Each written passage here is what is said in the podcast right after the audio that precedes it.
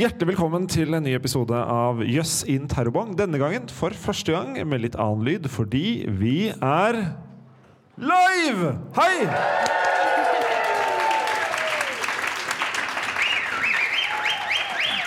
For en nydelig mottakelse. Eh, beste i dag, hittil i dag. Og det kan jeg si fordi eh, til deg som lytter eh, på denne podkasten, så er vi eh, på et arrangement som heter Naturfagets helter. Rundt oss sitter det 100 av de mest engasjerte naturfagsformidlerne Norge har å by på. Og nå skal de testes ut for å sjekke om jøss kan fungere som et live konsept. Men ved siden av meg, bak noen mikrofoner, så eh, sitter Signe Bondhus Jensen. Velkommen. Takk. Førstereiskvinne. Eh, Ja. Tidligere naturfags... Du er jo naturfagslærer fortsatt. Ja. Ja. Men så er du eh, eh, formidler på et eh, museum og lab-sjef. Ja. Ja. For din egen lille avdeling. Med en helt egen lille lab. Ja. Da kan du være sjef. Ja. Ja. Eh, kult at du er her. Jeg er spent på hva du har å, å by på. Eh, på min andre side så sitter Inga Strumke. Ikke førstereis, vært med før. Ja. Ja. Partikkelfysiker ja. Og robotpsykolog. Er ikke det kult? Jo. Ja. Hva legger du i tittelen robotpsykolog, som du insisterer på at vi skal bruke? ja, jeg insisterer på at vi skal bruke det. Jeg tror jeg er Norges eneste så langt. Og første, da, hvis det slår an. Jeg håper det slår an. Jeg insisterer på at det er det jeg er. Jo, fordi at kunstig intelligens har jo slått an, og maskiner løser problemer, og maskiner skjønner ting ikke vi skjønner. Og så tenker jeg, men hvordan har de det egentlig? og litt mer seriøst, hva er det de har skjønt som ikke vi har skjønt? Og det er jo det psykologer driver med. Så jeg har tenkt mye på er jeg en slags robotnaprapat eller en robotpsykoanalytiker. Så jeg har tenkt mye på det her. Jeg har kommet frem til at robotpsykolog, det er det det er. Sant? Nydelig. Bra. Ja. Det, det funker for meg. Det er ikke jeg som skal godkjenne. Nei, det, Så altså, så langt er det bare meg sjøl jeg har overbevist. Ja, Eh, det, det duger. takk. Men det, eh, konseptet er nesten det samme som eh, vanligvis. Eh, vi har med noen eh, Vi har med en historie hver, eller en eh, fun fact, en fortelling fra virkeligheten, som vi skal prøve å pitche inn så hardt vi kan. Og deretter så forteller vi etter tur. Og så til slutt er det dun, dun, dun, publikum som avgjør hvilken av disse fortellingene som var aller mest jøss. Rett og slett. Inga, hva har du med i dag? Jeg kan fortelle dere at det har levd dinosaurer på andre sida av galaksen. Oh. Yes. Signe, hva har du med? Eh, Jeg skal presentere min personlige, men ganske godt faglig underbygde vil jeg påstå, teori for hvorfor vi bruker så masse matord for å beskrive folk. Oi! Spennende.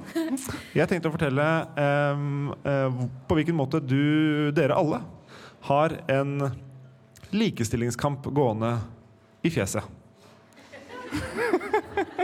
Du har en likestillingskamp uh, gående i fjeset ditt, og det er også et svamplegeme involvert.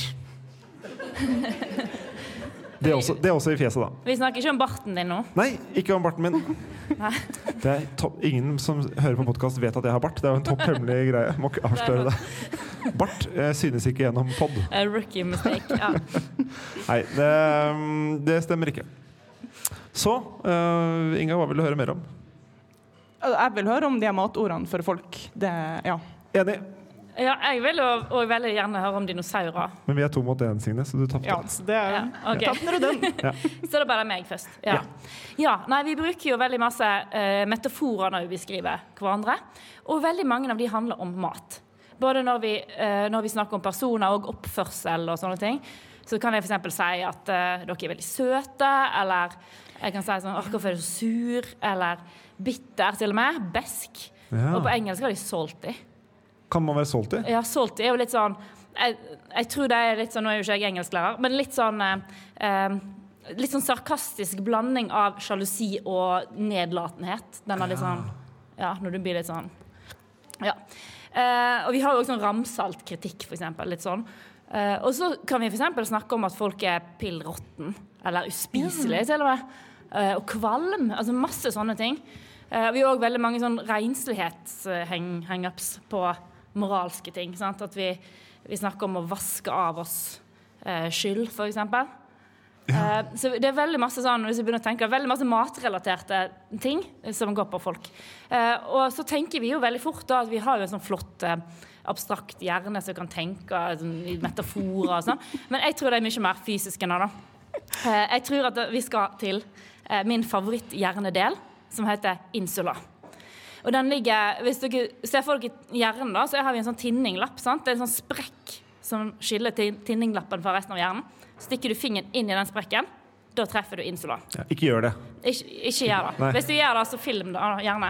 Men Jeg tenker å se hva som skjedde da, men nei, ikke gjør det. Men den, eh, det er altså en del av hjernebarken, men den er litt sånn skjult bretta under det. Eh, og forskjellige deler av hjernebarken har forskjellige sanseinntrykk som de tar imot. sant?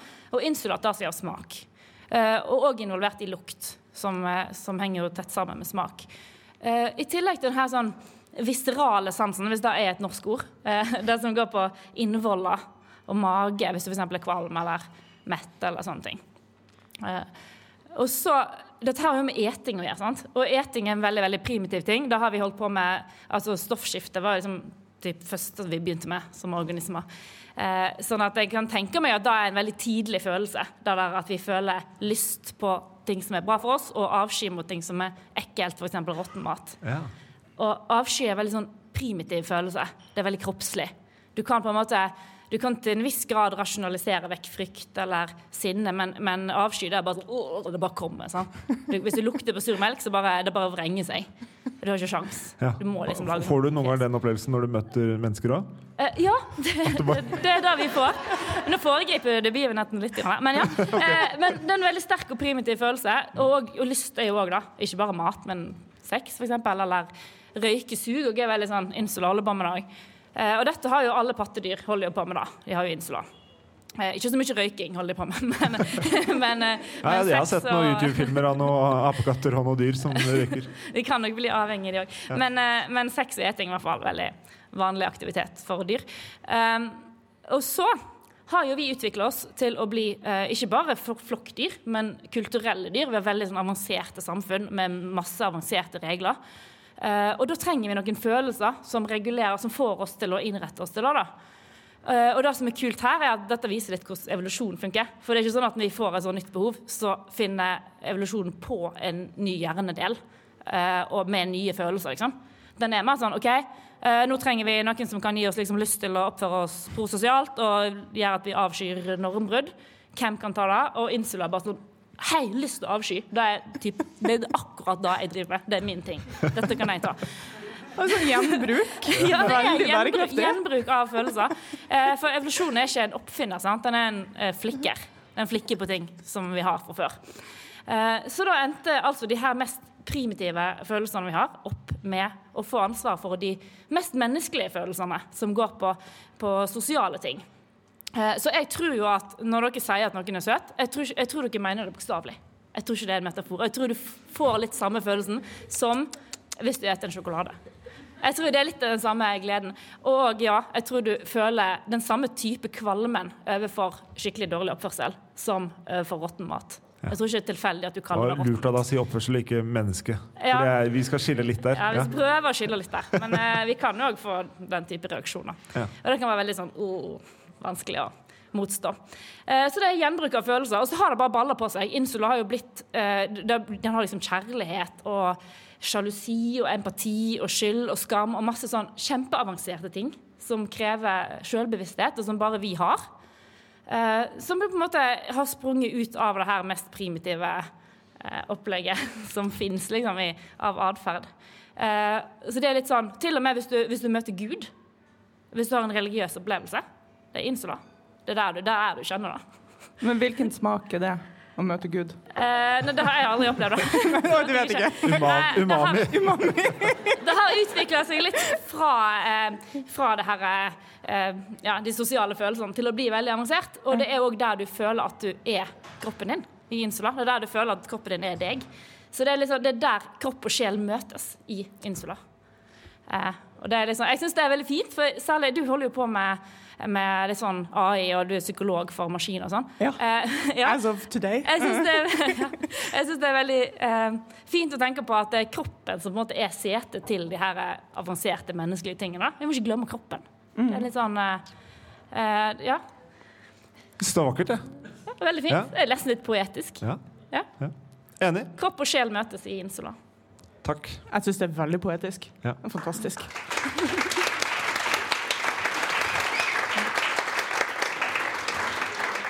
Signe ville høre din, eh, Inga, om, eh, om dinosaurer på andre siden av galaksen. Ja. OK. Så først må vi tenke litt på dinosaurene. Eh, og jeg har med en lappe, fordi at dinosaurer er ikke min spisskompetanse. Men jeg vet det at de forskjellige dinosaurene levde jo ikke samtidig. De første levde i triastiden, Triassic period, for sånn 250 til eh, 210 millioner år siden. Der er liksom usikkerhetsspennet. Det er sinnssykt lenge siden. Um, og der fantes det pterosaurer, eh, som kunne fly. Og det som var pattedyr, de ligna mest på spissmus. Uh, og de siste dinosaurene, sånn um, Triceratops og Tyrannosaurus rex og de kule, liksom, de levde inntil 65,5 millioner år siden. Eh, og da døde de ut. Og vi vet alle hvorfor dinosaurene døde ut. Det var fordi de ikke hadde et romforskningsprogram. Um, get it? Ja. Men vi har et romforskningsprogram, uh, og takket være det så vet vi at ikke bare går uh, jorda i bane rundt sola, og mange ting går i bane rundt sola. Pluto bruker 250 år eller noe sånt rundt sola, vi bruker ett år. Men sola går også i bane rundt noe.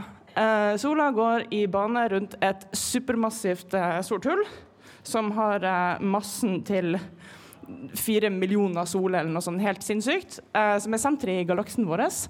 Og det er ikke bare sola som går uh, i den banen. Det er mange hundre milliarder stjerner og små sorte hull og greier som går i denne banen.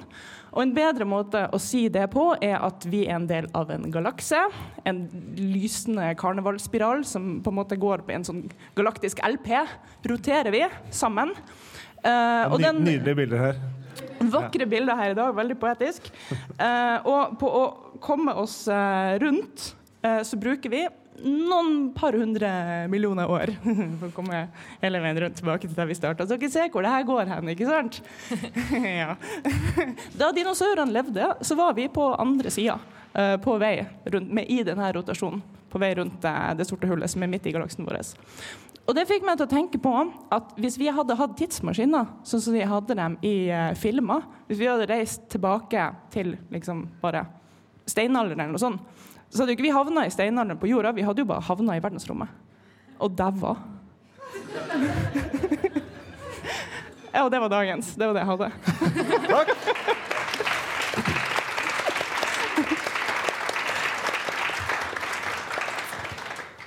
Nydelig. Vi skal til uh, likestillingskampen.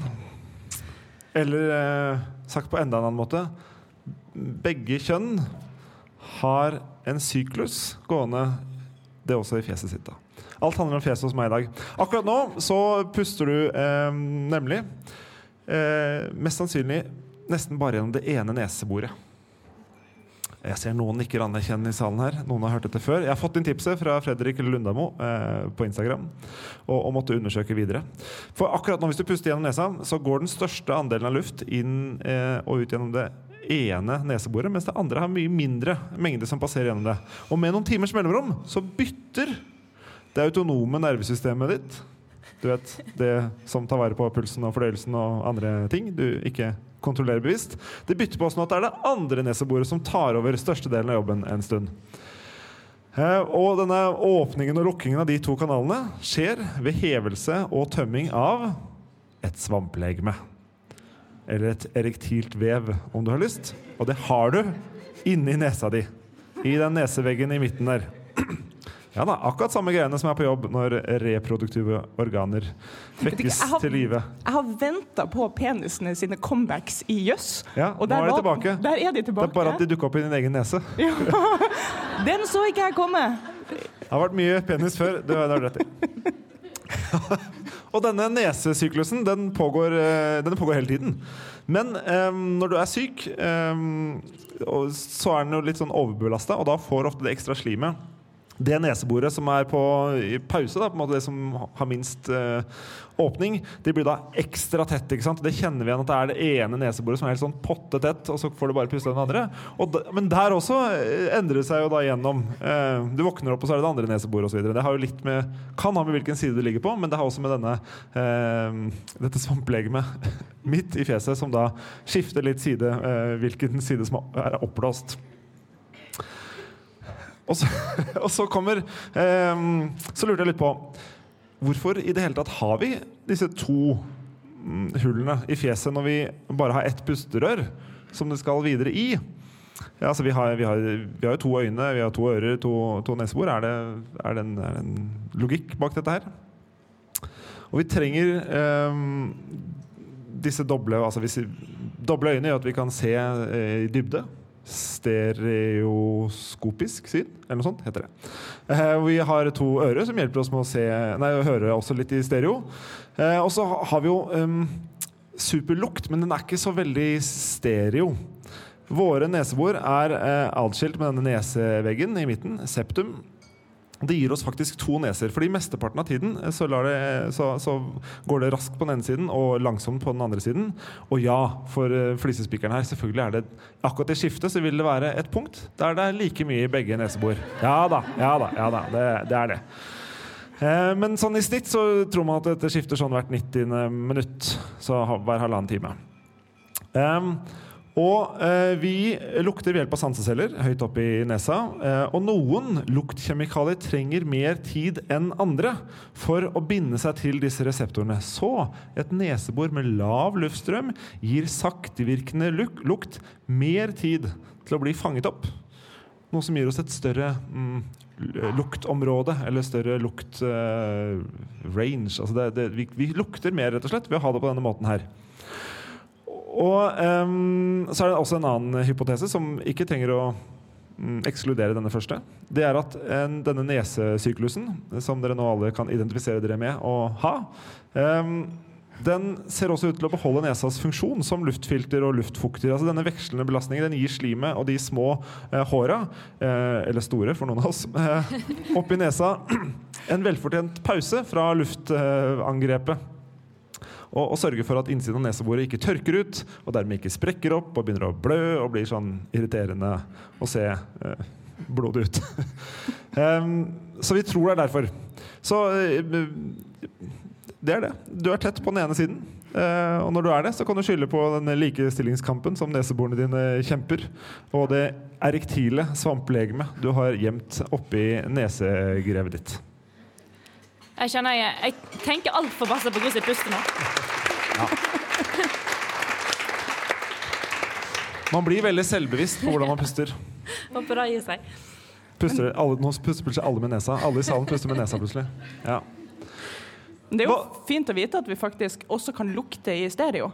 At det, alle, alle, de der doble hullene i hodet vårt faktisk har noe for seg. Ja. Det er ikke bare å gi det en pause. Det er også å ha en, en Men det er en annen type stereo, for du lukter ikke da um, det som kommer fra høyre og venstre. Um, Nei, men det trenger du klarer ikke å lokalisere ikke. så godt hvilken vei du lukter, men du, luk, du lukter forskjellige typer ting. da Ja, Kanskje det er mer nyttig. Men kunne jeg stengt ute lukt ved å prøve å skifte oftere? Liksom, til annethvert at da rekker det ikke å feste seg? liksom? Jeg vil jo tro at hvis, hvis Nå er det et eh, nesebor hos deg som eh, har stor luftstrøm, og der går lufta fort igjennom. Ja. Og så er det et som går langsommere. Hvis du, som, hvis du lukker inn det som går langsomt, så vil du miste noe av, av uh, luktspennet. Du vil ikke lukte alle lukter. Men hvis det lukter veldig stygt, så må du bare lukke begge. Ja, det, det går også. Altså, vi har immun òg. Ja. Det kalles å holde seg for nesa? Ja, ja. ja den. Aldri tenkt på. Vanligvis så ville vi nå eh, diskutert intenst eh, hvilken av disse historiene vi syns var mest eh, jøss, og dratt nytte av at vi er et oddetall antall eh, raringer i denne poden. Men i dag, fordi vi er live for første gang, så har vi 100 mennesker som kan bestemme for oss. Så nå må dere tenke dere nøye gjennom, og så skal dere ved applaus og jubling og plystring og klapping og sånn eh, avgjøre hvilken dere syns var den som var aller mest jøss. Eh, og hva dere legger i jøss, det bestemmer dere selv. Så da spør jeg Synes dere Signe sin eh, fortelling om eh, hjernen og ord eh, for å beskrive mennesker var mest jøss? Så klapper dere nå!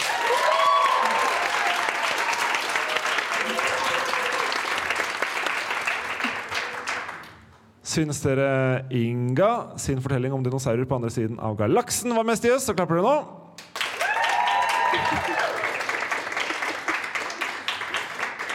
Eller syns dere min om nesebor var mest jøss? Klapper dere nå.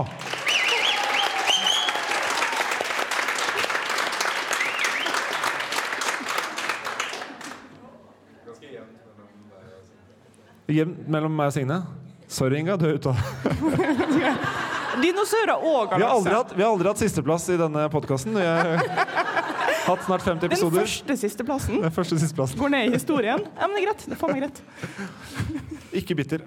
Vi får prøve igjen, da. Eh, Signe, må dere klappe nå.